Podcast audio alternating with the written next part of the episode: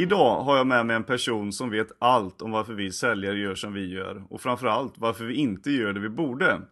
Och genom grundlig forskning om det som kallas för säljhinder och det som då många av oss säljare tyvärr har så har Christer B Jansson från Confident Approach en hel del att lära oss idag. Så välkommen till Säljpodden Christer!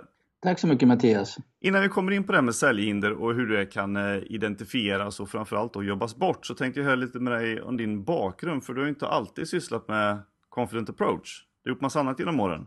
Ja, jag började som inköpare och sen vill jag se andra sidan efter militärtjänsten, säljsidan. Och där fastnade jag och sålt allting från klipptång för armeringsjärn över hela Sverige, Norge, i byggbranschen, ute på byggen och inne på Skånska Cements huvudkontor och studsade och far. Många, 200 resdagar sådär. Så tyckte jag det var lite mycket och ville göra något annat och hamnade i Stockholm och började sälja annonser i Dagens Nyheter och sen blev det försäljningschef på Arebolaget och sen in i konsultbranschen en sväng och blev sån här, vet, en viss generation kommer ihåg de gamla skärmkurserna från SAS. Lärde mig köra sådana också. Okay. Och, stod på scen och var mer underhållare än konsult tyckte jag och utbildare. Men det kan vi ju alltid diskutera. Men rolig tid var det i och för sig. Ja. Eh, och sen så ja, startade jag eget och eh, köpte in ett koncept, eh, en forskning från en herre som heter Belbin som eh, har jobbat med forskning runt hur olika ledningsgrupper presterar. Och köpte in det 91, skrev kontrakt för det och byggde upp det i Sverige och 93 började vi träna andra konsulter, psykologer och, och det var så spännande så jag började få föreläsa på psykologen på Stockholms universitet, vilket jag fortfarande gör, just runt gruppdynamik och hur Belbin och hans forskning fungerar då när man tittar på hur människor relaterar och samverkar. Mm. Och sen så, ja, så byggde vi upp det där 97 så via Belbin kom jag i kontakt med två forskare i Dallas som ligger bakom det här med Confident Approach. Som har forskat mot eh, säljares inre motstånd mot att etablera kontakt. För alla vet ju att vi ska göra kundbesök, vare sig vi är fältsäljare, telesäljare eller vad vi är för någonting. Så måste vi träffa människor i syfte att sälja och en del har svårt för det, har ett inre motstånd, mm. vilket de har forskat runt. Mm. Och sen hade jag en kort period i vila, det vill säga jag gick in i väggen, slet för hårt och eh, fick stora mängder gammaglobin och eh, läkarna rådde mig att flytta till värmen dessutom för att överleva. Så jag tillbringade fem år i lugn och ro på Malta.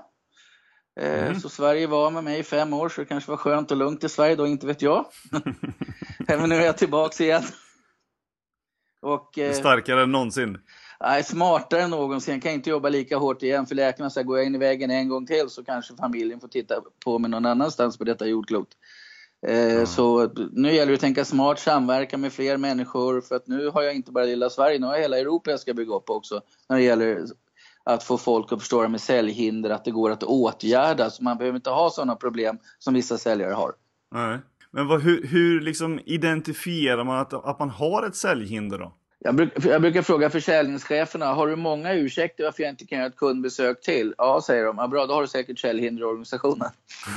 okay. Så enkelt är det. Eh, sen frågan, har du så mycket så att det är skadligt, så att det liksom, du saftigt underpresterar? Och då kan man ju jämföra sig med branschnormer eller vad man ska göra eller andra bolag som ute på marknaden, hur lång tid tar deras samtal, hur många borde, besök borde vi göra? Eller titta på dina toppsäljare. Eh, hur ser de ut? Hur mycket mer säljer de än de som inte säljer tillräckligt? Mm. Hur stora skillnader? Ja, då vet du, du sannolikt har hinder. Vi räknar ju alltid på det där när vi går in. För ska du göra en större insats och jobba bort hinder i en organisation så är det ju en slant. Mm. Och det innebär, vi vill ju räkna hem det. Och vi brukar räkna hem det till 3 till 6 månader. Annars brukar vi diskutera, är det vettigt att göra det här eller någonting annat som behöver göras? Mm. Och sen är det inte alltid hinder hos individer ibland. Ibland sitter det i organisationen, så då måste man börja där. Mm. Men du, om, det, om säljhindren sitter i organisationen då? Ja, det är ju så att när vi tittar och har hur, hur smittar hinder? Och då smittar det via attityder och värderingar. Eh, och naturligtvis är det så att chefer vill ju anställa säljare som har samma attityder och värderingar som de själva runt sälj. Och så anställer man en säljtränare som har samma attityder och värderingar av sälj och gärna i rekrytering hitta en kandidat som har ungefär samma attityder och värderingar, vilket stärker det här synsättet. Mm. Eh, och det gör ju att det skapar en hel kultur som tycker att så här gör vi på vårt bolag. Och så tänker man inte på att det är kanske är det som ställer till det för oss. Mm. Eh, så jag brukar när jag kör kurser till säljare säga du var inte ansvarig för dina hinder. De fick du av ledningen i bolaget. Så det tar ungefär åtta veckor innan en nyanställd säljare har samma problem att sälja som ledningen i bolaget. Uh, uh, Okej. Okay. Det är ju rätt spännande. Så om man kommer in med, med liksom frisk fläkt här och nu tänker nu ska jag köra på. Så tar det bara åtta veckor innan man har blivit smittad med det? Yes, ta ett och hinna telefonfobi. Säg att du har ingen telefonfobi alls. Inga problem att ringa och prata med folk. Men organisationen har det. Mm. Då tar det åtta veckor innan du har samma problem. Och lyfta luren och boka ett möte eller sälja telefon. För att folk liksom kommer säga, ja men du vet det är, svårt nu, det är tuffa tider. Och hålla på sådär med det? Ja, du, alltså, du måste gå det här med en cool calling-kurs där du får veta hur jävla svårt det här är. Egentligen gör inte vi sånt för det är ju ingen idé i vårt bolag. Mm. Vi har ju andra sätt. Mm. Men, men om man tänker då de här forskarna som har som har tagit fram det här med Dallas-forskarna. Yes. Som har följt det här. Vad, vad, är det för säljhinder som de har identifierat i sin forskning då? Ja, hittills när jag började så hade vi 12 hinder i st stora drag som, som fanns där. Några mer vanliga än andra. Mm. Eh, idag har vi fyra till, precis som vi släpper oss, som påverkar säljare negativt. Eh, på grund av sociala medier har det dykt upp nya hinder som att våga nyttja ny teknik att prospektera. Det vill säga LinkedIn, sociala medier, hålla webbinar som säljare för att komma åt sina kunder. En del vägrar ju det, skitskraja för det, att göra det mm. och hittar andra sätt. Även om det här sättet kanske vore det bästa. Mm. Så det dyker upp nya hinder på grund av ny teknik och sådana saker också. Men det vanligaste hindret idag när man tittar på det, det är ett hinder som vi på svenska har döpt till obeslutsamhet, rätt eller fel. På engelska heter det yielder. Och det är en rädsla att vara för påflugen, för aggressiv, för offensiv. Så man väntar istället på rätt tillfälle. Man vill inte tränga sig på. Vilket påverkar alla delar i säljprocessen. Jag får svårt att ringa för då tränger jag mig på. Eh, om jag är ute och minglar har jag svårt att prata med dem jag vill prata med för jag tränger mig på för de pratar ju med någon annan. Mm. Så många fortfarande, så de väntar ju på rätt tillfälle och många väntar fortfarande. va ja, så är det ju. Och problematiken till med det hindret är att den slår inte bara på det här första kontaktskapandet och minskar eh, den volymen. Den slår också till vid avslutet för att våga gå på avslut och få nej. Ja, det är ju obehagligt för dem för att då tappar de kanske relationen. Ja. Så de lägger istället hela ansvaret på kunden. Fast säljträningen säger du får inte släppa det. När följer jag upp? När kan jag ringa dig, följa upp offerten och sådana saker. Va? Ja. Hur du nu är tränad. Men då säger de istället så här, kära kund, här har du din offert. Läs igenom den och återkom gärna till mig om du har några frågor. Eh, och vill du handla så, så ring gärna och slå en signal. Så man lägger ansvaret över hos kunden. Ja. Eh, vilket strider mot all, all säljträning jag har gått i alla fall, där man ska vara proaktiv och det stämmer ju överens med säljhinder för att om vi tittar på säljhinder så har säljare minst hinder av alla yrkesgrupper i världen. Hur tänker Problemet, du? Ja, vi tittar, vi, vi har ju testat andra yrkesgrupper också för att jämföra. Och då ser vi säljare generellt sett är den yrkesgrupp som har minst hinder att prata med människor i hela världen. Mm. Och det är ju rimligt med tanke på yrket. Ja. Dock de hinder vi har ställer till det för oss eftersom vi ska prata med så många fler än många andra yrkesgrupper. Mm, just det. Och då ska vi tänka på att våra kunder har sannolikt mer hinder än oss. Det innebär att de har ännu svårare att ta kontakt med oss från andra hållet. För det är också så här att när du är trygg och lugn så då slår ju inte hindren till. Du går inte omkring och är rädd för telefonen hela dagen eller har scenskräck hela dagen. Utan dina situationerna dyker upp som det slår till. Ja. Som gör att du flyr undan och gör någonting annat. Och det gör att en del säljare till och med har fler besök, fler samtal till vissa existerande kunder som de känner, för där är de så trygga. Så en del kunder får ju för mycket samtal istället från samma person. Ja. Och jag har ju haft kunder, inköpare som har sagt till, till, till sin säljares chef att har den där säljaren inga andra kunder, han är ju alltid här. ja, jag vet inte om det säger mest om säljaren eller hos kunden. Ja, det kan ju diskuteras. Eh, men jag har också haft det från ett annat hinder som vi kallar hyperprofessionell jag är störst, bäst och vackrast, måste alltid vara i centrum. Jag kan inte sälja om jag inte har en Armani-kostym och Rolex-skjorta på mig. Mm. Kortare vänsterarm så klockan alltid syns. Eh, och eh, det, var, det här var ett försäkringsbolag som jag jobbade med för ett tag sedan och där ringde faktiskt en säljare upp från BMW till säljarens chef och undrade, vore det inte bättre om säljaren prospekterade mer så han sålde så mycket försäkringar så han hade råd att köpa en bil istället för att ägna fyra timmar per dag gå runt i hans bilhall. Mm. Och han hade just det hindret och vi jobbade med det. Så att det Hinder gör ju att du gör annat istället för det du borde göra. Det tar ifrån dig dina mål. Mm. Men jag kan tänka mig att liksom ett, ett vanligt hinder någonstans i grunden handlar om någon form av rädsla för hur kunden ska uppfatta en, eller har jag fel? Nej, ja, en del gör ju det. Om du säger så här att rädsla driver allting. Har du scenskräck kan du ju känna det i handen, det bultar och det slår, eller telefon förbi, du blir svettig i händerna och mm. känner stor vilja att undvika just det här att gå upp på scen eller ta de här samtalen.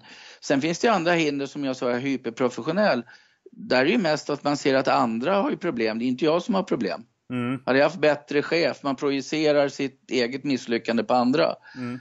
Eh, och tror man måste se perfekt ut och se framgångsrik ut för att lyckas. Och det gäller just det hindret.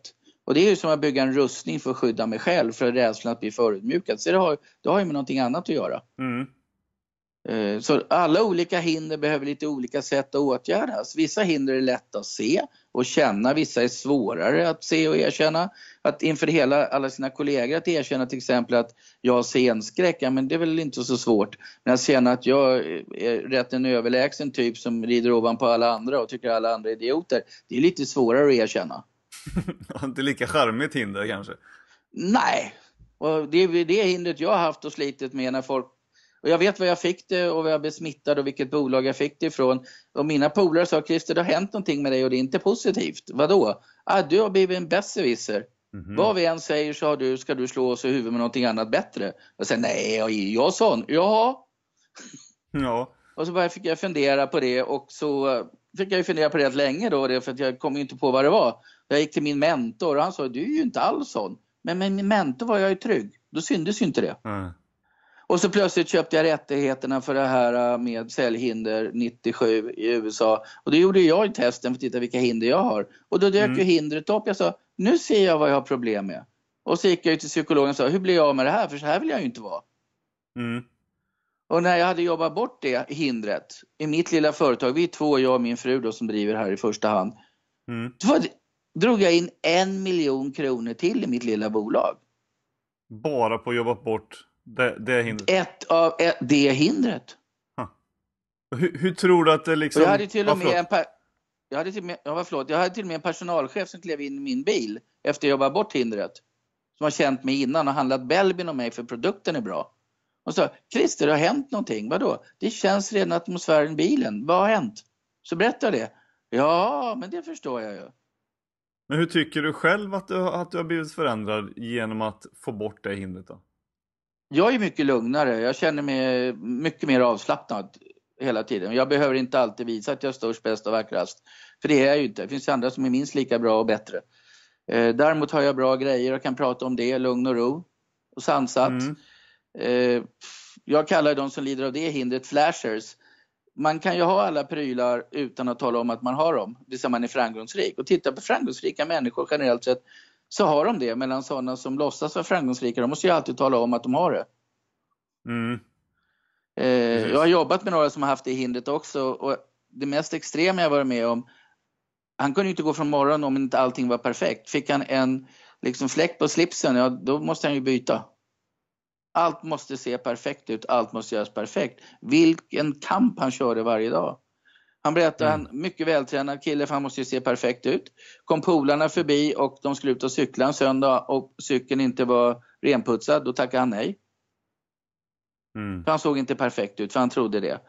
Och det är ju extremer av det hela naturligtvis.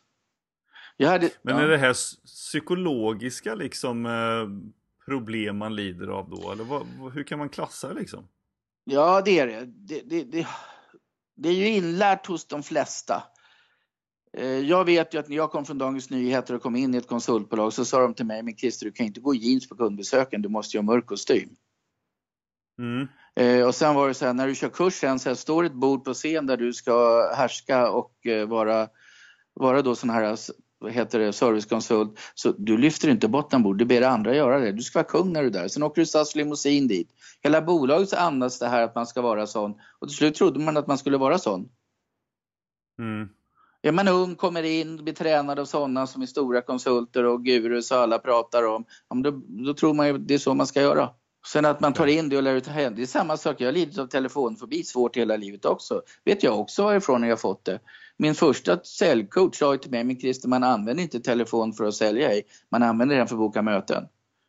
Eh, du, åker, mm. du skickar aldrig ut en offert Christer, du åker ut med den och visar den och går igenom den med kund. Mm. Och då undrar man ju då när man är väldigt ung och så har man en duktig konsult från ett känt bolag som talar om så här, då börjar man undra, det är något konstigt med telefonen, den ska man tydligen inte sälja i. Eftersom man undviker den hela tiden. Och plötsligt sitter du där att någonting är galet med telefonen och så börjar det till och med bli jobbigt att boka möten. ja, det blir ju till slut då. Ja, så blir det ju. Men vill, eh, du sa att det finns ungefär 12 stycken och plus 4 stycken i takt med att eh, sociala medier och sånt har liksom yes. kommit in. Kan, kan vi dra dem lite så här övergripande vad det finns eller? Eh, först ska vi säga, det finns ju andra saker som gör att vi inte säljer också, de mäter vi också. Det ena sättet är ju bristande vad vi kallar motivation och det är fysisk ork. Ja. Att sälja och jaga upp kunder, det kräver en viss ork varje dag. Så säljare generellt sett måste sköta sig hyggligt. Och vi har ju en del som har för lite ork. Ja. Och det beror ju på att du kanske inte tränar tillräckligt, du har problem hemma, eh, du har problem med chefen eller någonting annat. Du dricker för mycket som påverkar att du inte får tillräcklig ork.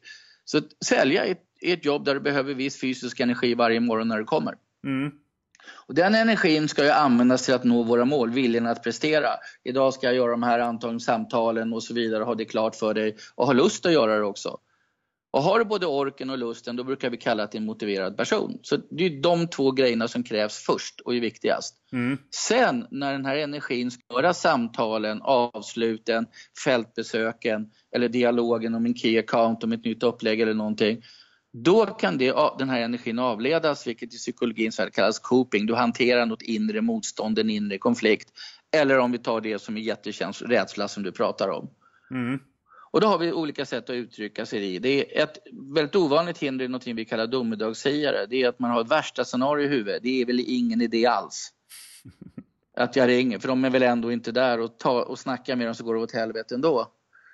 Eh, jag var på en roadshow med Psykologförbundet och pratade hinder och då var det en, en psykolog som sa till mig att hon hade bara en klient. Och så, det går ju inte att leva på. Nej, det gör ju inte det, så. Men om du skulle nu prata med flera och göra det synligare i samhället, eftersom du är en kompetent person, så skulle du kunna få fler klienter. Och hennes spontana svar, tänk om jag får för många, vem ska hjälpa dem då? Ja. Det här är ett drag som min son har verkar Han är alltid okay. sådär.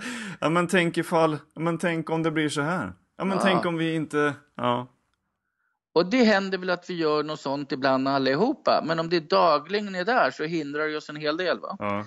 Vi ser, då kommer vi inte ens upp till intervjun, vi ser dem sällan ens vid rekrytering. Men när VD eller någon annan får för sig, men våra tekniker träffar ju våra kunder också. De borde kunna sälja också och skapa leads åt våra säljare. Mm. Då dyker de här stackarna upp, för de har ju valt att jobba med maskiner i livet för de litar inte riktigt på människor. Nej, just det. Så då dyker de upp. Ett annat vanligare hinder är vad vi kallar överförberedelse, det vill säga att man är orolig att man inte kan tillräckligt och så har man någon tanke om att om inte jag kan allt, svara på allt och inte jag är professionell. Alltså blir det en extrem mycket förberedelse. Mm. Eh, innan samtal, du ska boka mötet eller någonting. Det mest extrema jag haft är 45 minuter i Sverige och så svarade inte personen på andra sidan så börjar nya 45 minuter. ja, det blir inte så många prospekt på en dag då. Nej, det gör ju inte det då. Eh, när överförberedelse slår till i samtalet, om säljaren blir orolig i ett samtal med möjlig kund eller kund, så det är då säljtränare kallar dem för krokodiler, stor käft och små öron. Mm. Det vill säga att då ökar överförberedaren informationsmängden, för de kan ju så jäkla mycket. Mm.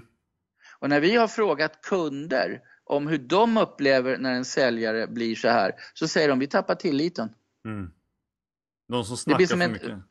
Ja, det blir för mycket information och då, då börjar vi undra, vad är det de döljer? Mm.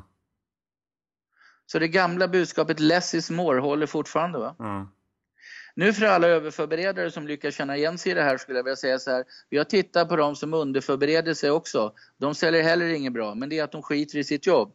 En överförberedare är en som vill vara kunnig i sitt jobb men går för långt med det hela och så ställer det till det. De skjuter från höften mer? Ja, det blir ju Ja, underförberedare gör inte ens sitt bakrum. De kan ringa dig och säga hej, jag vill sälja till dig, men känner du till vad vi, vårt bolag gör? Nej, de har ingen koll vem de ringer ens. Nej, nej okej. Okay. Mm. Överförberedare har ju, om det är någon som har koll så är det ju dem. Mm. Det var att det tar för lång tid. Jag brukar säga överförberedare behöver en stor spark i arslet så de kommer ut och så inser att man har två öron och en mun. Och det förhållande ska man ha i ett samtal med kund. Mm. Sådana gamla riktlinjer som fortfarande håller än idag. Va? Mm, just det. Överförberedare vanligt i tekniska yrken. Mm. Hyperprofessionalism, ett annat hinder, det är att imagen att jag är framgångsrik är viktigare än att vara framgångsrik. Imagen kommer emellan. Jag måste se perfekt ut för att sälja. Det är ju mannen, nidbilden för oss är ju då, som jag berättade för er tidigare, i Armani-kostym och rätt bil och rätt visitkort. Allting ser jäkligt bra ut. Ja. Men de prospekterar inte. Men är det, det liksom, är det... Eh, de som är det, finns det ett mindervärdeskomplex i grunden där? Nej, det gör det inte. Osäkerhet? Nej, det gör det inte. Snarare kanske tvärtom. Eh, uppblåst intellekt i så fall. Okay. Eh, som inte beror på det. Det är inlärt att ska du göra bra affärer så ska du se rätt klädd ut och bete dig på rätt sätt och eh, vara framgångsrik. Va? Mm. Och därför tar man till sig attityden och så slår det till till extremer som en kille jag jobbade med. Han klippte till och med liksom gräsmattan på söndagar i kostym. ifall en kund kommer förbi. Och då sitter ja, men du och jag skrattar åt det, du och jag också. Jag tänkte, hur, låter jag bli att skratta när han säger det? För han tog det på blodigaste allvar. Mm. För att jag måste se, annars kommer det inte gå. Va? Mm. Och han har inställning, bara chefen släpper mig till de stora kunderna, då ska jag visa, för där kommer jag till min rätt. Va? Mm. Och det är ju någonting chefen aldrig vågar göra. Va? Ja, det är intressant. Vi hade med Johan Bok som jag berättade för dig tidigare i mm. på den för, för några avsnitt sedan. Och han, han eh, tar ju cykeln ibland till sina kundbesök och ibland så har han liksom yes. cykelkläder på sig. Så när han kliver ja. upp där på kundbesök, lite svettig och med cykelkläder, så är det klart, en del har ju höjt på ögonbrynen. Men det är som han sa, vadå? Min kompetens sitter ju inte i kläderna. Nej. Helt rätt. Och jag tar motorcykeln. Därför är jag lite större kanske än han. För jag behöver inte trampa. Men det är samma när jag kommer med hjälm och motorcykelkläder. Hej, jag söker den här. Och de tittar på mig. Är du bud? Kommer du med bud eller? Nej, jag har kundmöte. ja, just det. Ja, det är intressant det där. Så eh, nej, det sitter inte i kläderna. Och så har du den andra typen, de hyperprofessionella, det handlar om imagen är viktig. Sitter du som professor och har hindret på ett universitet, ja då, då, ser du, då gör du allting för att se ännu mer professorslikt ut och slänger med ännu vackrare ord va? som mm. du kanske inte ens förstår själv. Så det är lite olika vilken bransch hur det här ser ut. Men det, handl, det kan ju till och med slå till, jag vet en kille berättade, men nu är jag klar med det här hindret och då sa jag, är du säker på det? Ja vadå, du berättade sist när du hämtade ditt barn på dagis. Ja, då var det ju en kvinna som ville, ha just varit på semester på Mallorca. Ja, vet du var de var någonstans? Nej, varför vet du inte det? Jo, för där har jag också varit. Sen började jag berätta hur jag hade haft det när jag var där. Precis, du tog över hela dialogen och gjorde det själv till centrum igen. Ja. Hon fick inte en syl i väder att berätta om sin underbara resa, vilket hon ville börja med. Ja. Och så han sa, shit, jag har ju det kvar. Ja, det har du. Fast du kanske tänker mer på jobbet nu. Nu kanske måste börja tänka privat också, att du slår igenom. För man får ju inte många vänner om ingen annan får berätta hur de har haft det när du alltid ska köra över dem. Nej, precis. Hyperprofessionalism är vanligt i den branschen du och jag är i. Konsultbranschen. Mm. Scenskräck, nästa hinder, rädd att sälja till grupp. Eh, eller att tala i grupp. Det innebär att en del telefonsäljare när de satt i egna rum gick jättebra. Så flyttar man till nya fräscha lokaler och så landskap och så sjunker prospekteringen för alla kan höra vad jag säger. Ja, precis. Och scenskräck är, för alla som hör det här är det lättaste hindret att jobba bort. Det går på några träffar, för de flesta borta. Om man inte har någon traumatisk upplevelse med sig i livet, vilket en del har. Mm. Men de flesta har inte det. Rollförnekelse är ett annat hinder. Det är skämmigt att vara säljare. Eh, så vi är inte säljare och vi säljer inte. Vi informerar, vi bygger vänner, vi bygger vänskap. Men säljer gör vi absolut inte. Vi är rådgivare, vi skatteplanerar, vi är finansiella planners med andra ord. Mm. Extremt högt i försäkringsbranschen. Mm. De har en budget varje månad de här försäkringssäljarna men de är inte säljare. Nej. De är ju rådgivare. Ja, det är klart. Eh, det är det smittsammaste hindret av alla.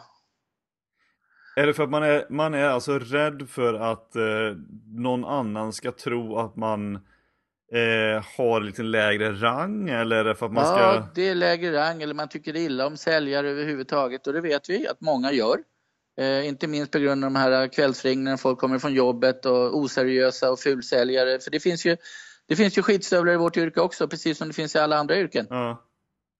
Eh, och eh, skillnaden är att eh, i vår bransch så pratar de med många, i andra branscher pratar man kanske inte med så många. Nej, precis. Så då sprider det sig kanske lite mer av de här oetiska säljarna som lurar på eh, min svärmor 80 år gammal plus en telefon hon inte ska ha eller någonting annat. Va? Ja, exakt. Eh, det är ju för jävligt att den, den sidan finns då. Eh, däremot så tror jag inte vi skulle klara oss utan säljare i, i näringslivet överhuvudtaget. Vi behöver någon som slåss för företagsprodukter och så vi, in, vi som har jobbat i inköp eller jobbar i inköp idag kan göra vettiga jämförelser och få rätt information. Mm. Jätteviktigt. Så rollförnekelse är högt, jättehögt eh, och sprider sig snabbt då. Men du, får jag fråga dig om just det ja. du sa om det där med att man som säljare då till exempel som, som ringer och fulsäljer eh, till, mm. till mormor 80 år på en telefonräkning på flera tusen då. Finns det någonting hinder där de inte så att säga, förstår att det är sånt som de håller på med? Nej, jag tror många av dem slutar rätt snabbt när de kan. Vi brukar göra så här. Jag tror att det kan börja med hinder och plus kombinationen med väldigt taskig träning av bolaget som slänger in dem bara pröva sälj. De får ingen träning, de får ingen hjälp, man har ingen tålamod. Mm. Man ser säljare, framförallt unga säljare, som en slit och släng bara. Mm. Så de blir egentligen misshandlade. Mm. Eh, fruktansvärt misshandlade i vårt yrke. Mm. Och det gör ju att de ska äta, de går på 100% och så har de hinder så blir det inte tillräckligt många samtal och så får de inte till det och då börjar man hitta andra sätt för jag måste få mat på bordet. Mm. Och så dyker de här upp, då lär de sig någon annan som kanske har gjort likadant för att överleva och hållit ett tag innan de har lämnat yrket och stuckit. Va? Så jag tror det beror, för mig beror det på oseriöst hanterande av sin egen säljpersonal i oseriösa bolag skulle jag vilja säga. Mm. Och egentligen ingenting med säljhinder att göra alls. Nej, mm. det kan nog påverka. För har du mycket hinder så kommer du väl snabbare dit. Du får ingen mat på bordet för du ringer för lite. Mm. Ja, precis. Så, så, det har en påverkan, men säljhinder i sig är inte oetiska. Säljhinder är ju säljare som är motiverade, vill prestera men av någon anledning så slår de här hindren till som gör att du gör någonting annat. Du ägnar dig, som om vi pratar om hy hyperprofessionella, att allting åt din image istället, istället för att prata med kund. Mm. Jag hade ett extrem, en konsult som min hustru intervjuade och jag satt på andra sidan glasväggen och bara tittade och sen började jag räkna. För han började putsa fjädrarna som vilken fågel som helst. Men då var det kostymen då naturligtvis. Mm. Han liksom eh, hängde av sig kostymen, visade insidan tydligt för min fru som skulle se vad det var för varumärke, för det var inte billig kostym. Mm. Och så plockade han ju ut någon Mont Blanc-pennan ur bröstfickan och satte den på skjortan, för man måste ju visa alla gadgets hela tiden. och så flyttade han slipsen rätt och så fixade han håret rätt. Han var ju aldrig närvarande liksom. Han höll hela tiden på att visa sin perfekta bild inför min fru. Titta vilken underbar konsult jag är. Ja. Och våra psykologer i Dallas säger så att konsultbolag som lider av svårt av hyperprofessionella, de är definitivt stadens bäst klädda konsultbolag men säljer hälften så mycket som de skulle kunna göra. Ja, okay. För bakom det här försvaret kan det finnas världens trevligaste människa och kompetentaste människa. Ja. Det är bara att försvaret ställer ju till det. Mm. Eh, gå vidare, obeslutsamhet, det vanligaste. Nämnde lite tidigare. Rädslan att tränga sig på, vill inte vara för aggressiv, uppfattas för aggressiv, för att gå påig. Svårt att gå på avslut för då kan jag tappa relationen. Eh, säg hellre ja än nej. Liksom, kan ha hur mycket jobb på gång och ha, mm, säger till chefen, ja, men det är mycket på gång. Och så när chefen frågar nästa tre, om tre månader, ja det är fortfarande mycket på gång. Det kommer aldrig ner liksom. Nej, det finns ju många som man eh, stött på genom åren som hela tiden säger så. Ja, och så fortsätter det bara om man inte tar mm. tag i det där. Det finns någonting lite otäckt med de som lider av det här hindret. Får hela organisationen det här hindret, att det är många som har det, då börjar automatiskt backstabbing i korridorerna. Man håller med inne i konferensrummet. Mm. Ute i korridoren säger man något helt annat. Okay. Där man sticker kniven i ryggen på kollegor, på chefer, som vill ta tur med problemet eller någonting annat. Va? Mm. Eh, vilket skapar en väldigt obehagligt klimat för de flesta. Ja, det är klart. Nästa hinder är mer fokuserat, kallar vi social differentiering. Det vill säga att jag kan sälja till sådana som har ungefär samma utbildning, förhållande som jag har. Men sådana som ligger högre upp i makthierarkin eh, undviker jag helst, eller blir väldigt osäker. Eh, och sådana som ligger under mig har en tendens att sparka på och så slickar jag uppåt istället. Va? Mm.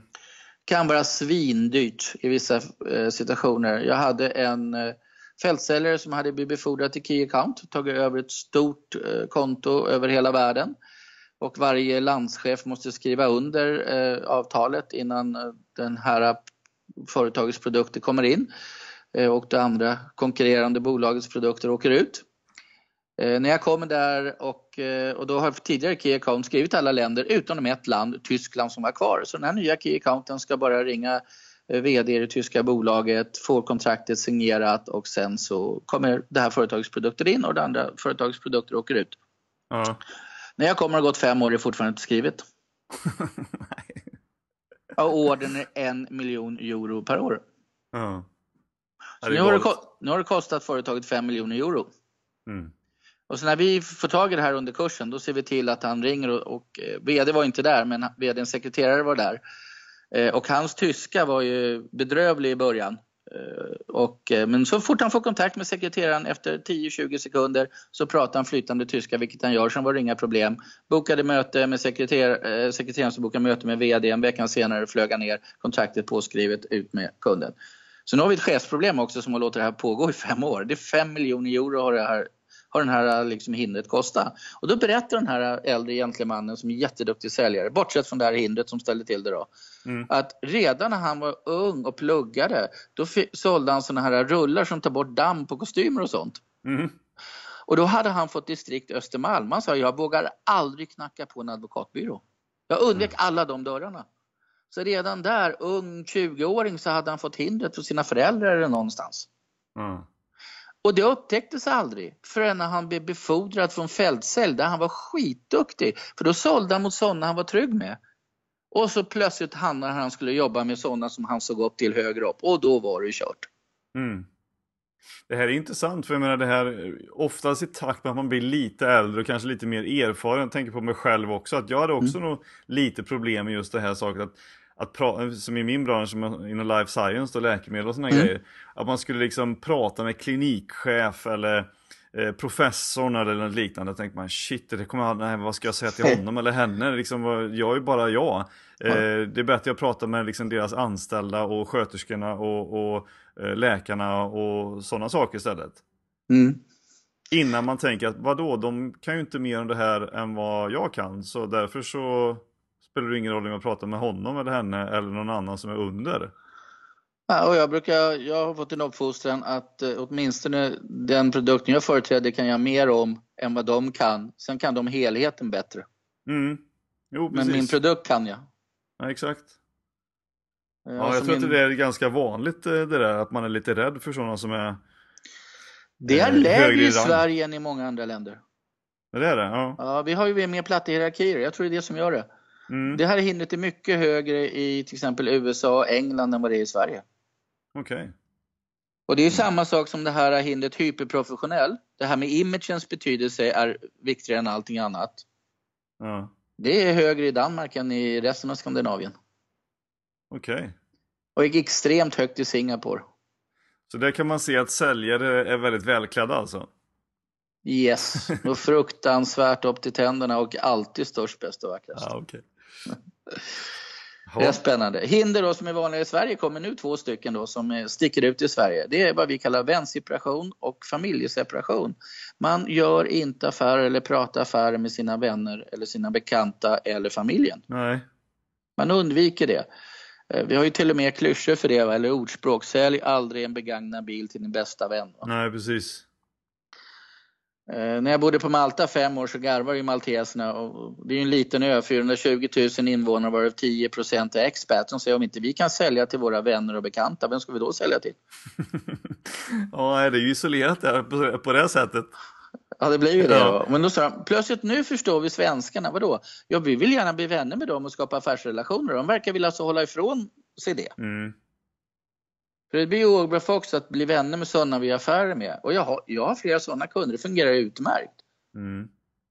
Där får man vara försiktig i Sverige. Och många som lider av det här hindret säger det är inga problem om mina vänner vill handla av mig men jag tänker inte sälja till dem. Nej, just det. Det blir lite skillnad. Ja, eller de kommer ändå inte hantera mina produkter och så börjar man titta på det här med det som har blivit populärt, nätverkande idag. Mm. Och då är det ju så att dina vänner, om de är fortfarande i arbetslivet och sliter, så har de ungefär 236 affärskontakter i snitt. Som de skulle kunna hjälpa dig att få som ger dig ingångar i bolag.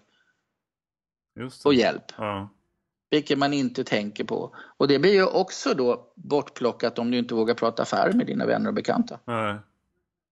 Jag läste om det igår får... också på. LinkedIn. Det stod också någonting om att det var 250 personer i, i snitt som också kunde hjälpa dig med sådana saker. Ja, och vi ligger vid ungefär samma siffror. Ja. Varierar, kan bli värre nu. Men jag har till och med haft en del vänner som sagt till mig när jag pratar affärer. Pra, pratar du bara affärer? Kan du inget annat Christer? Nej. Och då säger jag så här, nej det kanske är så. Men är man entreprenör och inte anställd och brinner för det man gör så har man inte tendens att prata mycket affärer. Ja, men vad vill, vad vill du prata om? Hundar, fiske? Jag kan det också. Kom igen. ja. Nej men det, men det, ligger lite i det där som du säger att man är, man är rädd att göra sig ovän med sina ja, familj och vänner därför att ja. hur ska liksom den relationen fortsätta om jag har sålt något till den personen och den känner sig lurad och missnöjd med det? Ja, och då brukar jag säga, är det, är det så du säljer? Att är dina kunder lurade och missnöjda? Nej. Och då brukar jag säga så här istället, det här är ett hinder, lätt att börja fundera och komma över rätt lätt genom att tänka så här, om du nu säljer en av marknadens bästa produkter eller tjänster och du tycker det är ett bra företag du jobbar för. Mm. Det innebär om dina vänner inte kan förhandla av dig, det innebär att då måste de köpa B-vara på grund av att de är polare med dig. De får inte köpa marknadens bästa produkter och tjänster då. Nej, det är ett jävligt intressant sätt att se det på i och för sig. och vad är det för jävla vänskap? Ja. Därmed beroende på vad du säljer, om du säljer psykologtjänster eller konsulttjänster, så kanske det inte är du som ska leverera den, men någon annan i ditt bolag kanske kan leverera den, mm. om du säljer in den. Just det. För det finns vissa etiska förhållningssätt både när det gäller ja, läkemedel och när det gäller eh, psykologi va? Ja. och coaching. Men då kan du sälja in en polare. Ja, precis. Och det är ju lite grann tanken med de här sociala nätverken också, att man ska kunna göra kontakter via sina kontakter. Yes, helt rätt. Mm. Eh, referensaversion, rädslan att fråga existerande kund, känner du någon annan som du skulle kunna rekommendera mig till? Mm. Det är också ett hinder då. Eh, nio av tio kunder visar vår statistik gillar inte frågan och tycker den är oprofessionell. Och eh, har du öronen öppna så vet du vem du inte ska fråga och då missar du kanske en av tio. Det innebär 99 personer kommer ge dig nya kontakter och en kommer tycka att du är oprofessionell. Jag tycker det är rätt bra, tala för att du ska fråga. Mm. Men menar att kunderna som beställer era tjänster tycker att det är oprofessionellt? Och de, ja, de som, som, är, de som man tillfrågar tycker precis tvärtom? Du säger att var tionde kund lider själv av referensaversion, därför tycker de att det inte är okej. Okay. Ja, okej. Okay. Mm att du frågar. Mm. Eh, det, det, handlar ju om den du möter och deras hinder också. Mm, ja, precis. Eh, möter du en kund som är hyperprofessionell så har de ju inga problem. Finns inga problem. De har ju styr på hela företaget även om det är på väg att gå i botten. Mm. Precis. Eh, och det har vi också varit med om där en VD sa till mig, min försäljningschef håller på att köra sönder hela organisationen i Stockholm, du måste dit och hjälpa honom. Eh, och jag kommer dit och det är inga problem alls, finns ingenting. Han vill inte öppna sig alls, allting är perfekt. Dessutom har han jobbat enligt våra principer de senaste tio åren och det är skitbra rättigheter jag har köpt. Mm. Så jag tänker helt rätt, tar han om för mig och klappar mig på axeln. Mm. Men han har inga problem, ändå håller hela avdelningen på att rasa. Och då säger jag till VD, nu måste du ta tag i det här. Då visar sig VD lider av det här obeslutsamhet. Så han vill inte ställa till det, han vill vara till lags med sin säljchef. Så nu vågar inte han dra gränser och ställa till det, så bolaget rasar ju totalt på grund av två hinder. Mm. Ja, det är ju galet. Det var fullständigt. Och de ser inte det. Men om det är så att man då ser det här, eh, och det kanske man inte kan göra då om man inte har fått utbildning i detta. Eh, om man inte ser det kan man inte göra någonting åt det, eftersom man vet ju bara det man vet. Ja, Eh, och det här är väl första lyssna på din podd och börja fundera över vad det här är. Och blir man nyfiken, gå in på vår hemsida Confident Approach eller köp boken. Vi har ju faktiskt tagit, det, här är också spännande. Eh, den amerikanska boken om, om säljhinder och hur man åtgärdar säljhinder eh, på en drygt 400 sidor. Var det 200 handlar om det vi pratar om just nu och de andra 200 sidorna om hur man åtgärdar hinder. Eh, då ringde vi ett stort antal förlag för att ge ut den och de sa att det här är psykologi och inom sälj för smalt, vi kommer aldrig få tillbaka pengarna så nej tack. Mm. Och vad gör man då? då? Ja, hustrun och jag slet lite mer och samlade ihop pengarna och så startade vi ett eget förlag och så gav vi ut boken, översatte den till svenska.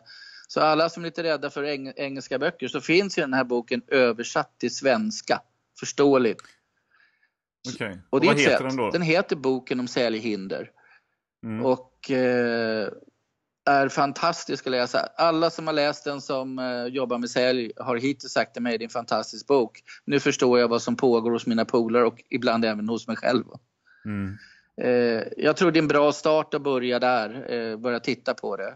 Och jag bara tänker på, jämför dig med de bästa säljarna i din organisation. Hur många kontakter gör de? Och varför har du problem med att göra det också? Och då kanske det där kan komma på att då kanske det har med mig att göra då. Men vart får man ta på boken då? Eh, bokhandeln. Eh, fråga efter den och beställ den. Eh, för den finns ute. Den står inte på lager utan bokhandeln beställer det till dig. Mm. Eller skicka oss ett mejl på christer.belbin.se och med fakturaadress så skickar vi boken. Mm. Finns den eh. på eh, nätbokhandlar och sånt där också ofta? Ja, ja mm. de, flesta, de flesta har inga problem att få tag i den. Mm. Ja, vad bra. Jag lägger upp lite länkar till eh, avsnittet efter sen också. Yes. Telefonfobi, eh, vilket är vanligast, det här är, hör och häpna, det här är vanligast bland säljtränare. Telefonfobi? Yes, det är det vanligaste hindret när vi tittar bland eh, säljtränare, det är det som stiger ut högst. eh, att nyttja telefonen och prospektera och rädslan att cold calling och ringa upp kund och allt det här är rätt högt i den branschen. Det är ju rätt spännande i sig. Ja, det är det. Reflektion. Det är en reflektion i sig. Då. Vi har ingen aning, vi bara mäter.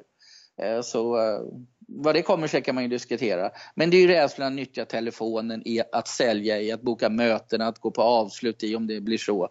Eh, däremot har de här personerna med telefonfobi inga problem med öga mot öga eller stå på scen. All annan typ av säljprocessen är, eh, är, är inga problem med. Men just när telefonen kommer in kan det bli problem. Mm.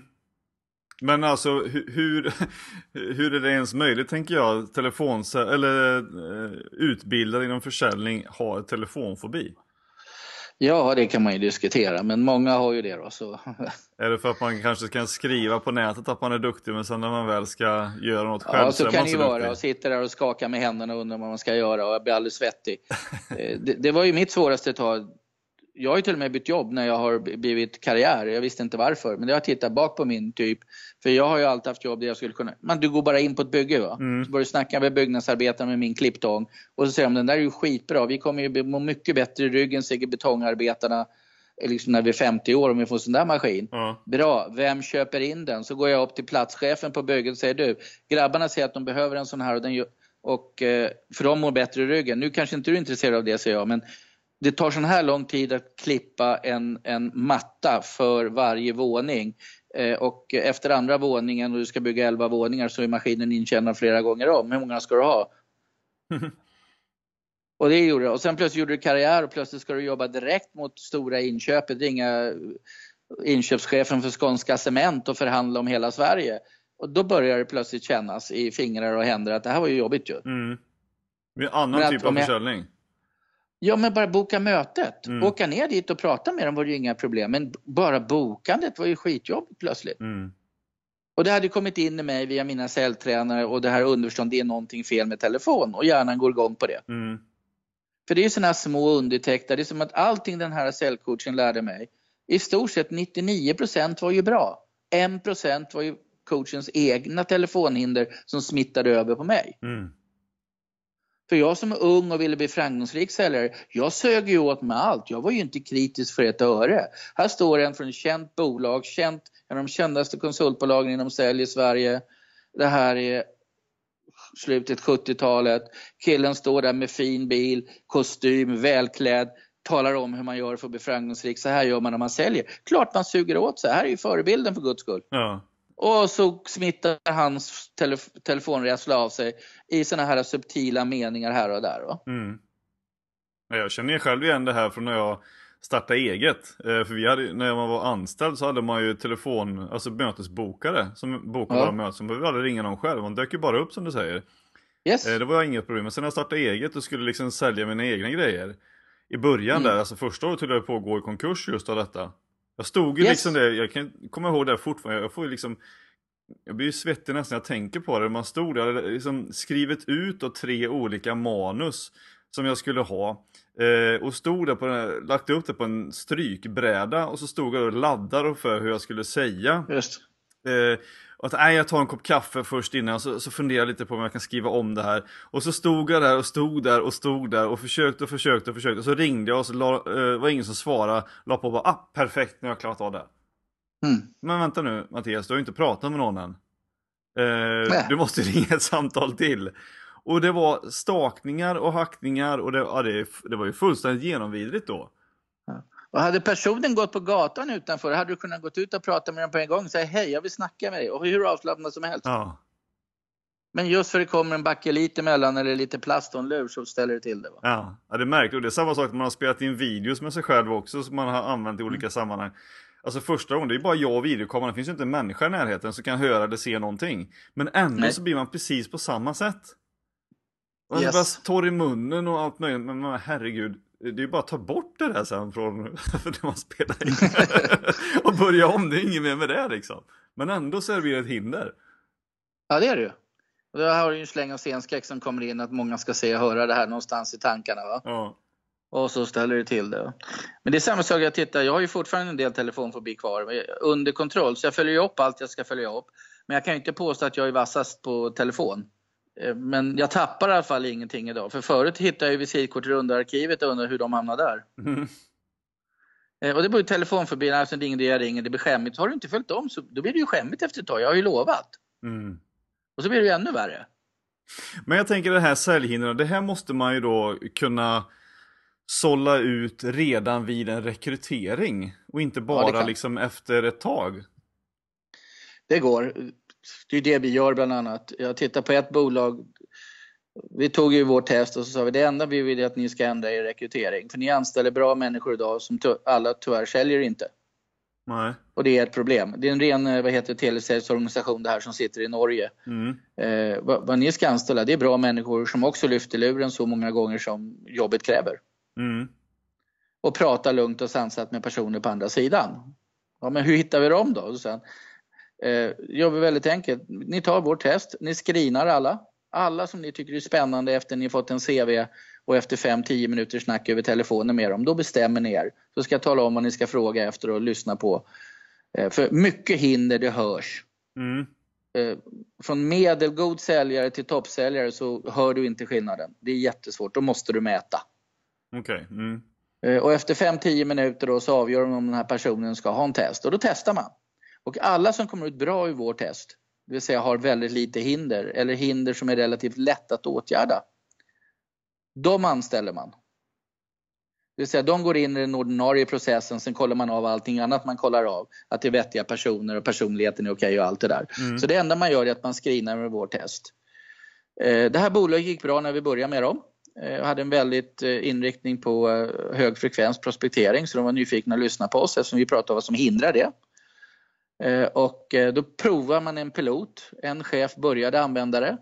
Eh, de, de hade en ökning på runt 20% när vi träffade dem. Året efter de börjat använda vårt test för att screena så låg ökningen på 37% istället för 20 och han sa det är outstanding. När vi började med er så hade vi 20 vi var duktiga. Nu kanske vi inte kan tillskriva allt till att vi är duktiga att rekrytera nu tack vare er test. Men väldigt mycket beror ju på att vi får in nu medarbetare där alla gör sina samtal och är på. Mm. Det är bara där, och det här är ju inte enda bolaget. Jag jobbar med revisionsbolag på Malta Eh, som säger att efter tre månader var jag betalt. De skulle jag inte göra till säljare, de är revisorer och advokater. Jag ska bara få revisorer och advokater som har mindre motstånd mot att prata med människor rent generellt. Ja. Så de har lättare att prata med kund och möjlig kund för att tala om vad de är duktiga på och kan hjälpa till med. Det räcker.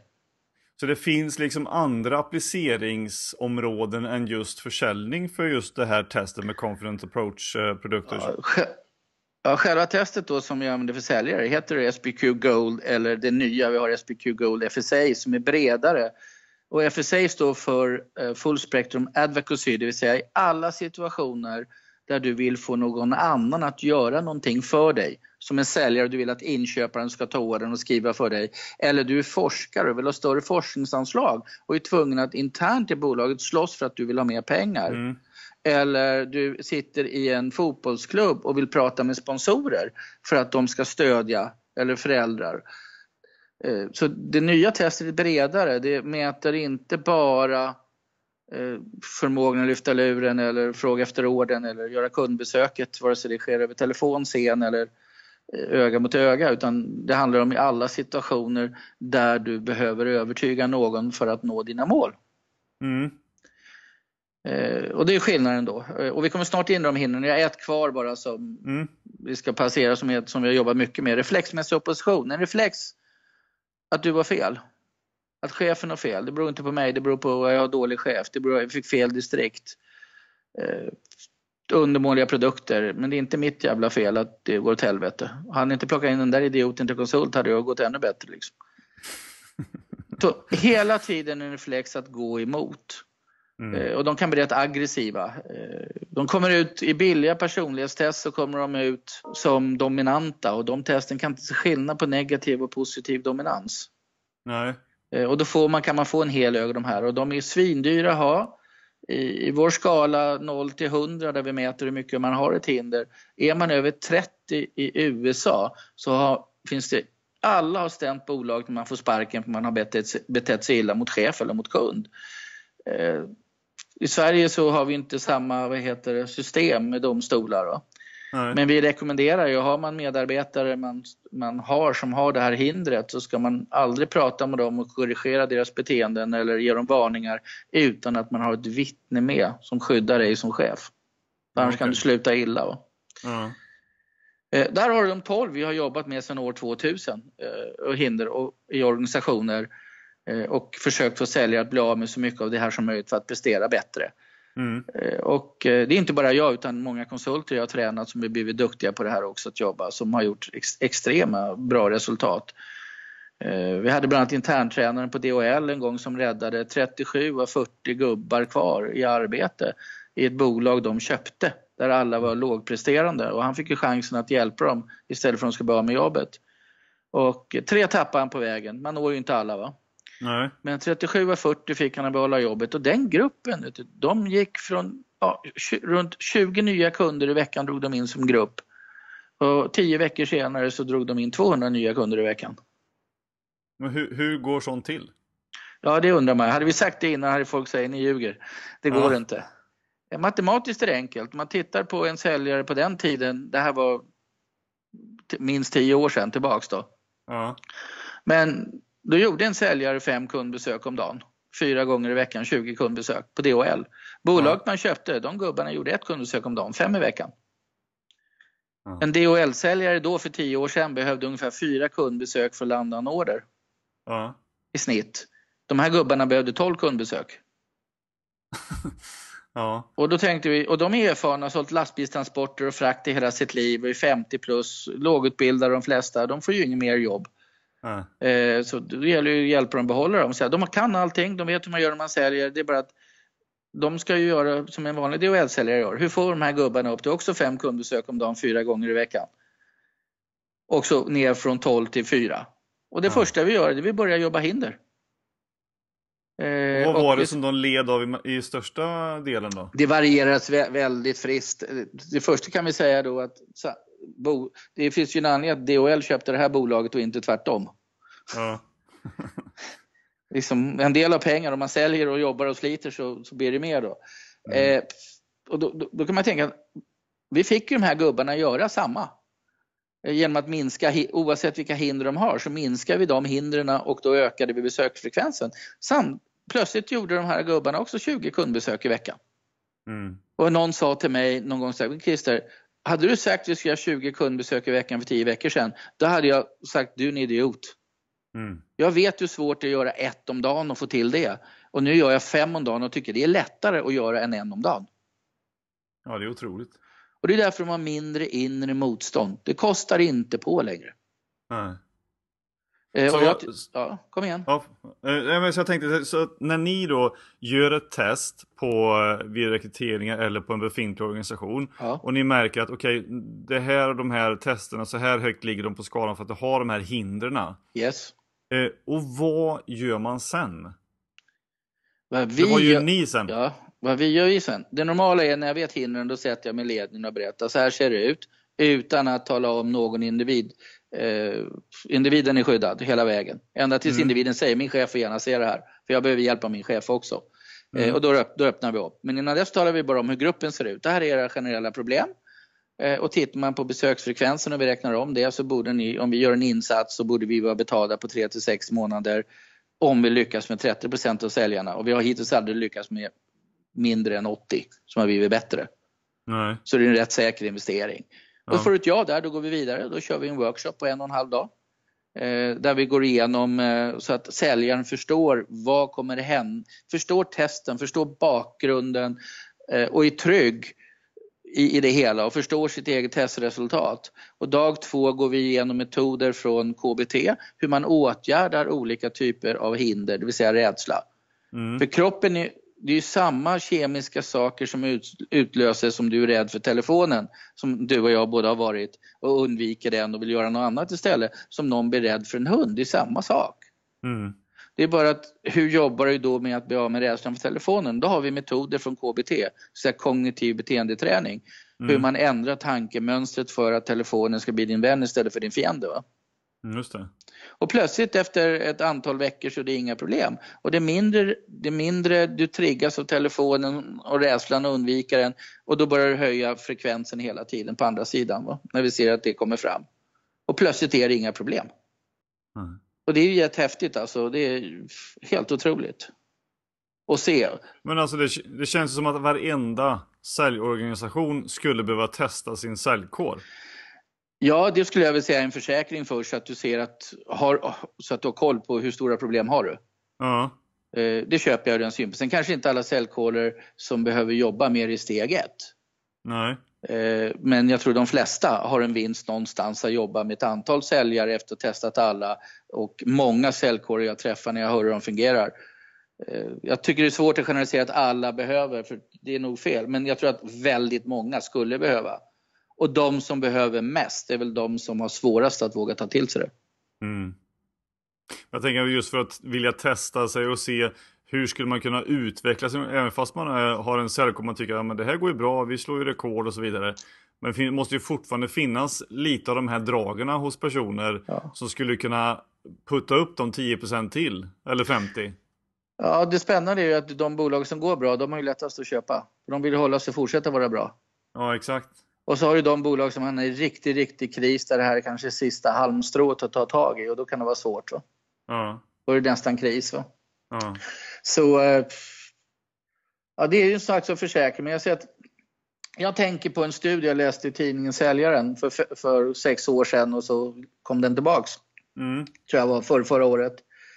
Och där visar sig i stort sett i Sverige då, det är en svensk studie, och visar sig då att runt 73 procent av Sveriges sälj och marknadschefer är missnöjda med den här nyarbetningsnivån att dra in nya kunder av sina säljkårer i Sverige. Så det är ett rent, så du har ju rätt då, i alla fall runt 73 procent av Sveriges säljkårer tycker cheferna har ett problem med det här i alla fall. Mm. Fem år senare så är det ungefär samma siffror, så problemet kvarstår ju. Mm. Och ursäkta nu alla chefer, men jag tror det är inte säljaren som är problemet. Varför har ni inte tagit tag i det här skulle jag vilja säga till alla chefer. För det är ni som sitter på makten. Det är ni som kan köpa in de som kan hjälpa säljaren. För de flesta säljare jag träffar, med vissa undantag, vill ju gärna bli av med sina hinder och få ett jobb. Ja, det är klart. Så att de flesta säljare vi träffar är ju skitglada att få hjälp och få det lättare. En del naturligtvis skeptiska för de har speciellt äldre säljare som har jobbat i branschen länge som jag, som har gått igenom det mesta, sett Mm. det mesta. Som ser ytterligare en ny konsult, ett ansikte som ska prata om någon ny fyrbokstavsbeteckning och som vi ska sälja Mm. annorlunda. Eh, Som påminner allt jag redan lärt mig. Men det här är ju annorlunda. Här går vi in på varje individs egna tankar om som ställer till det för dem. Och framförallt också i, i nyrekrytering då att testa för det här så man inte gör en Ja, personen är bra och trevlig och verkar ju bra på alla sätt och har fina referenser.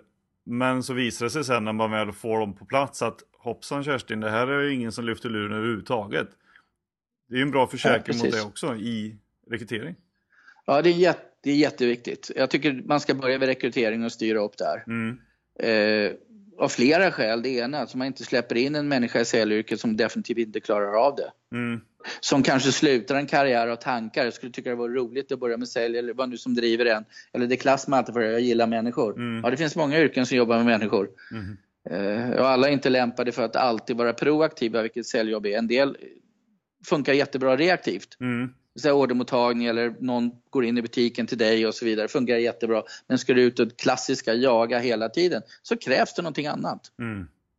Men så tänker jag också på dig när du startade. Jag tänker på alla inkubatorer, alla nystartade bolag där en del har världens bästa idéer och bra produkter eller bra tjänster men på grund av hinder så går bolaget i konkurs. Och det du sa, du gick nästan konkurs mm. på grund av att du hade svårt för det här. Mm. Ändå tillhör ju du och jag den säljande branschen och ändå hade du och jag svårt. Mm. Exakt.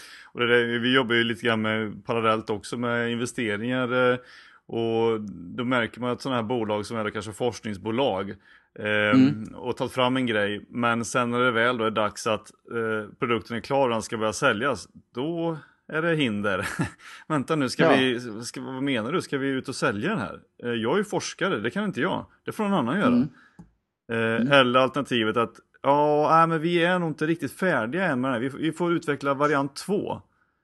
Ta in mm. nya pengar. Ja men vänta nu, varför säljer ni inte den första? Hur vet ni ens att det finns kunder? Ja, fast jag tror mer att det blir bättre om vi får göra den här nya varianten. Vi får forska mm. ihjäl sig som vi kallar det för. Eller utveckla ja, och, hör du och vad du hör, det är hinder. Ursäkter, undanflykter. Ja. Och det är ju hinder. Då är det bara frågan vilka hinder som är igång och vad behöver åtgärda. Ja. Sen kan de ha rätt i sig. På sikt kanske de behöver bygga en säljkår, men i början kanske man inte har pengarna. Nej. Jag har ju satt mycket innan jag flyttade till Malta fram till 2010 så var jag hårt engagerad i Connect i Stockholm, den här entreprenörsorganisationen. Ja. Som hjälper entreprenörer framåt och var med på alla sådana här rådgivningsmöten där det handlade om personlig försäljning någonstans. Mm. Och det som slog mig, varför de flesta ville låna pengar och finansiärer som går in, det var ju för att ska, skapa sin säljavdelning, någon som skulle sälja åt dem. Mm. För de vågade inte själva. Exakt. Och så att ni är redo att ge bort halva bolaget eh, för att få en miljon kronor när bolaget om några år, enligt er statistik, om ni har en säljkår, kommer att vara värt 50-60. Ah. Ja, för att ni inte vågar lyfta luren själva. Grabbar, det är billigare att vi går in konsult och så tar jag 25% istället för 50. Sen får jag er att sälja. Ja.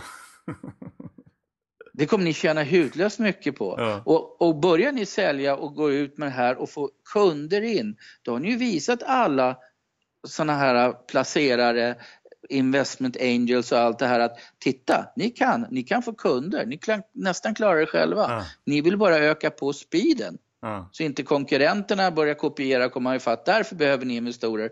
Då kommer de vilja ha en lägre procent och kunna sätta mer pengar. Ja.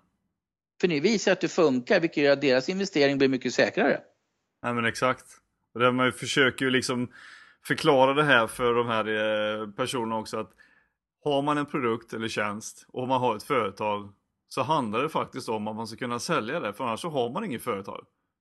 Korrekt. Och det är... Säga, alla verksamheter måste sälja annars överlever de inte. Sen är frågan hur vi gör det.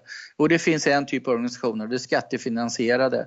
Men på ett sätt så säljer de också, för de slåss internt mot sina politiker om den budget de ska få. Mm, ja, men precis. Så, så de har ett visst sälj i sin organisation också, även om inte det går mot kund utan mot den som fördelar skatteintäkterna. Mm. Ja, det här är sjukt intressant med säljhinder. Alltså det, det var lite som en svart, eh, svart hål för mig innan. Men det känns ju helt eh, nu har man fått eh, veta mycket mer att eh, det här borde vi ju liksom sprida lite bättre till säljorganisationer och till rekryterare för att eh, vi ska kunna stötta Sveriges säljare och att vi får en bättre uppfattning om både säljare och försäljning i Sverige. Jag tror ju att den snabbaste sättet, man pratar om strukturförändringar i Sverige för att få mer intäkter, för att få bättre balans på BNP. Jag tror att man, om man gör en stor satsning på svenska säljkårer och exportsäljare så kommer det hända stora saker. Mm. Det här är första, det, det du kan enklast, strukturförändringar kostar miljoner, miljarder och tar tid. Att få svenska säljkårer att prestera bättre går, tror jag går mycket enklare. Mm. För de flesta säljare vill prestera bättre. Ja, men precis. Och får man lite hjälp på traven så är det fantastiskt. Jajamensan. Eh, lite kort om nya vi har upptäckt mm. på grund av nya sociala media. Eh, där är det huvudsakligen det vi har jobbat med eh, och har erfarenhet av. Eh, nu börjar vi få erfarenhet av de nya hindren som vi börjar mäta dem och det är då ett obehag att prospektera online. Att nyttja LinkedIn, webinars och andra medier att prospektera och bjuda in mm. kunder. Mm. Det finns ett obehag hos vissa säljare och det är ett hinder som, som stoppar dem att nyttja ny teknik. Mm. Eh, vi har också tittat på när man redan har kontakten, finns det hinder som kan dyka upp då? Ja, en del har obehag för en komplex cellmiljö. När det blir för många cell, cellcykler, för många inblandade som ska ha, hanteras, eh, då är det en del som ballar ur, inte klarar av det. Mm. Eh, så det mäter vi också idag om du har de problemen. Eh, vi har också sett obehag för merförsäljning. Sälja mer och cross-selling och tilläggsförsäljning, att man hänger på en försäkring till någonting eller man tittar, det skulle vara snyggt med skjorta och slips i klädbutiken. En del av problemet är att hänga på något mer. Ja, att sälja till mer. Ja. Eh, som, som kunden oftast upplever som god service. Ja. Eh, och att du bryr dig om kunden. Det finns ju vissa sådana här som man tänker att de måste ha tränat på det. Jag tänker på OKQ8 till exempel. När man har åkt mycket mellan Stockholm och Norrköping här. Att eh, när man stannar till till exempel på Sillekrogen och liknande. Så, så när man, när man mm. till exempel bara ska köpa någonting, till exempel en kopp kaffe. Och hon frågar, det ska inte vara en bulle till? Alltså jag tar ju inte mm. illa upp för det. Men i hennes fall så handlar det om att, att dubbla försäljningen om jag köper en bulle yes. också. Mm. En liten fråga och jag bara säger nej tack och då är det inget mer med det. Ja. Men i hennes fall en fråga, dubbla försäljningen på mig. Ja. Precis, och det är mycket pengar i det. Eh, jag tänker på en krogkedja i Stockholm, jag kan inte tala om vilken. Och det kom från en av våra konsulter som vi har tränat i säljhinder som jobbar med den här kedjan. Mm. Eh, och ägaren sa där att när du kommer till kaffet så har vi tränat alla servitörer att fråga, ska det vara någonting till? En modell, en chokladtryffel eller en konjak eller vad det nu som passar. Va? Mm. Alla är tränade, alla frågar inte. Nej.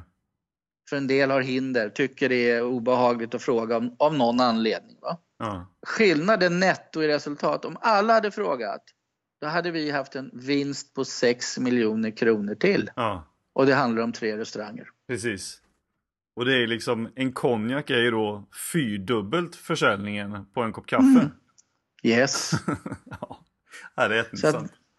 bara att våga fråga, prata. Ja.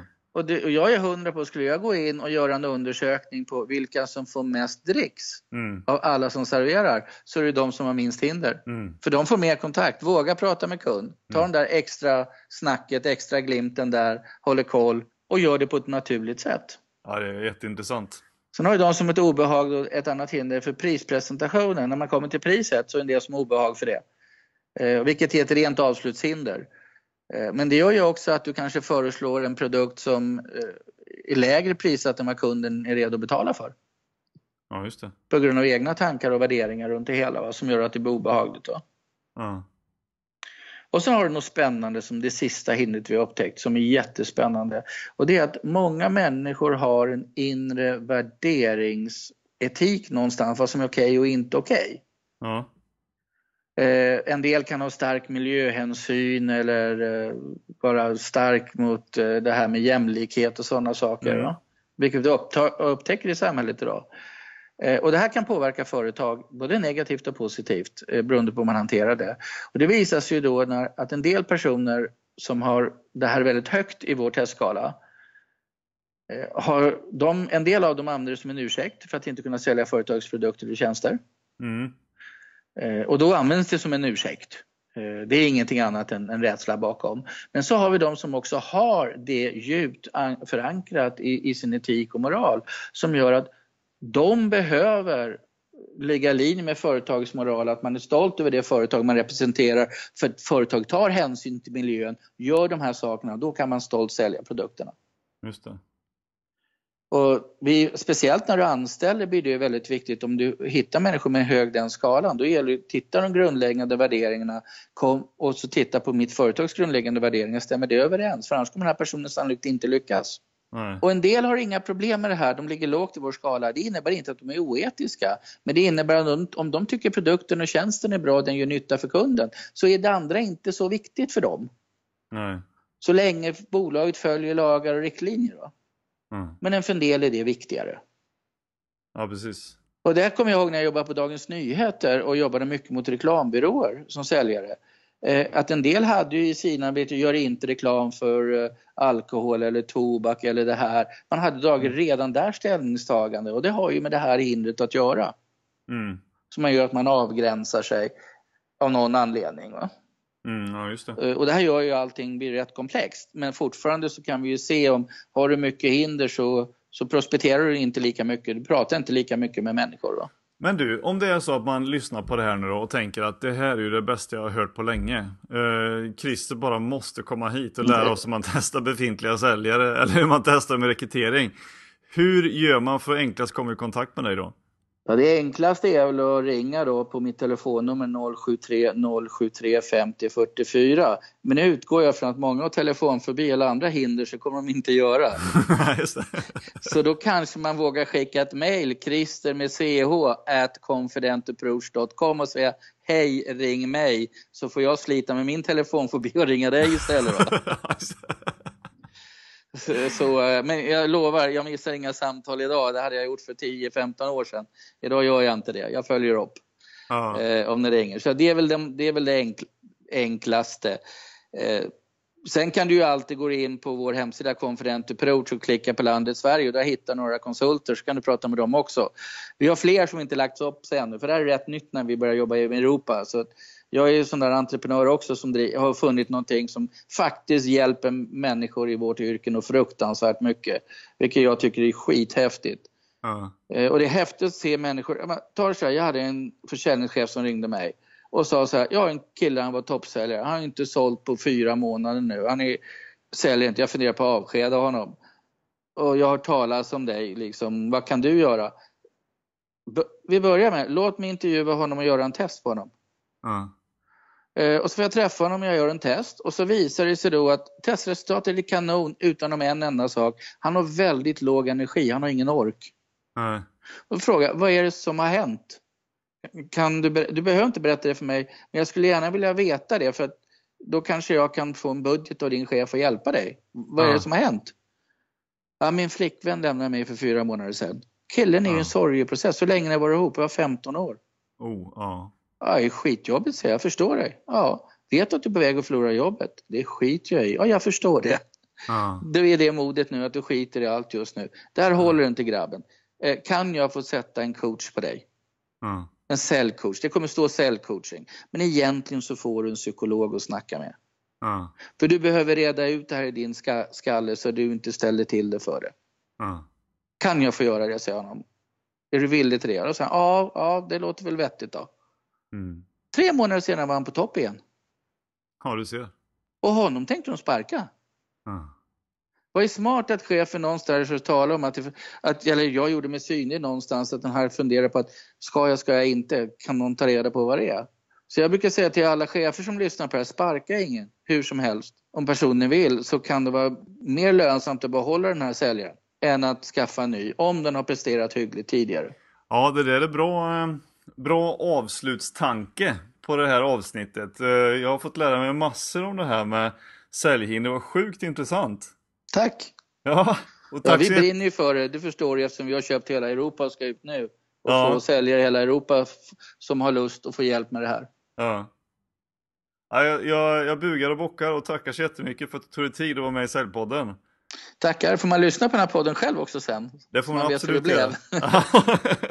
absolut. Tack. Tack. Hej. Hej.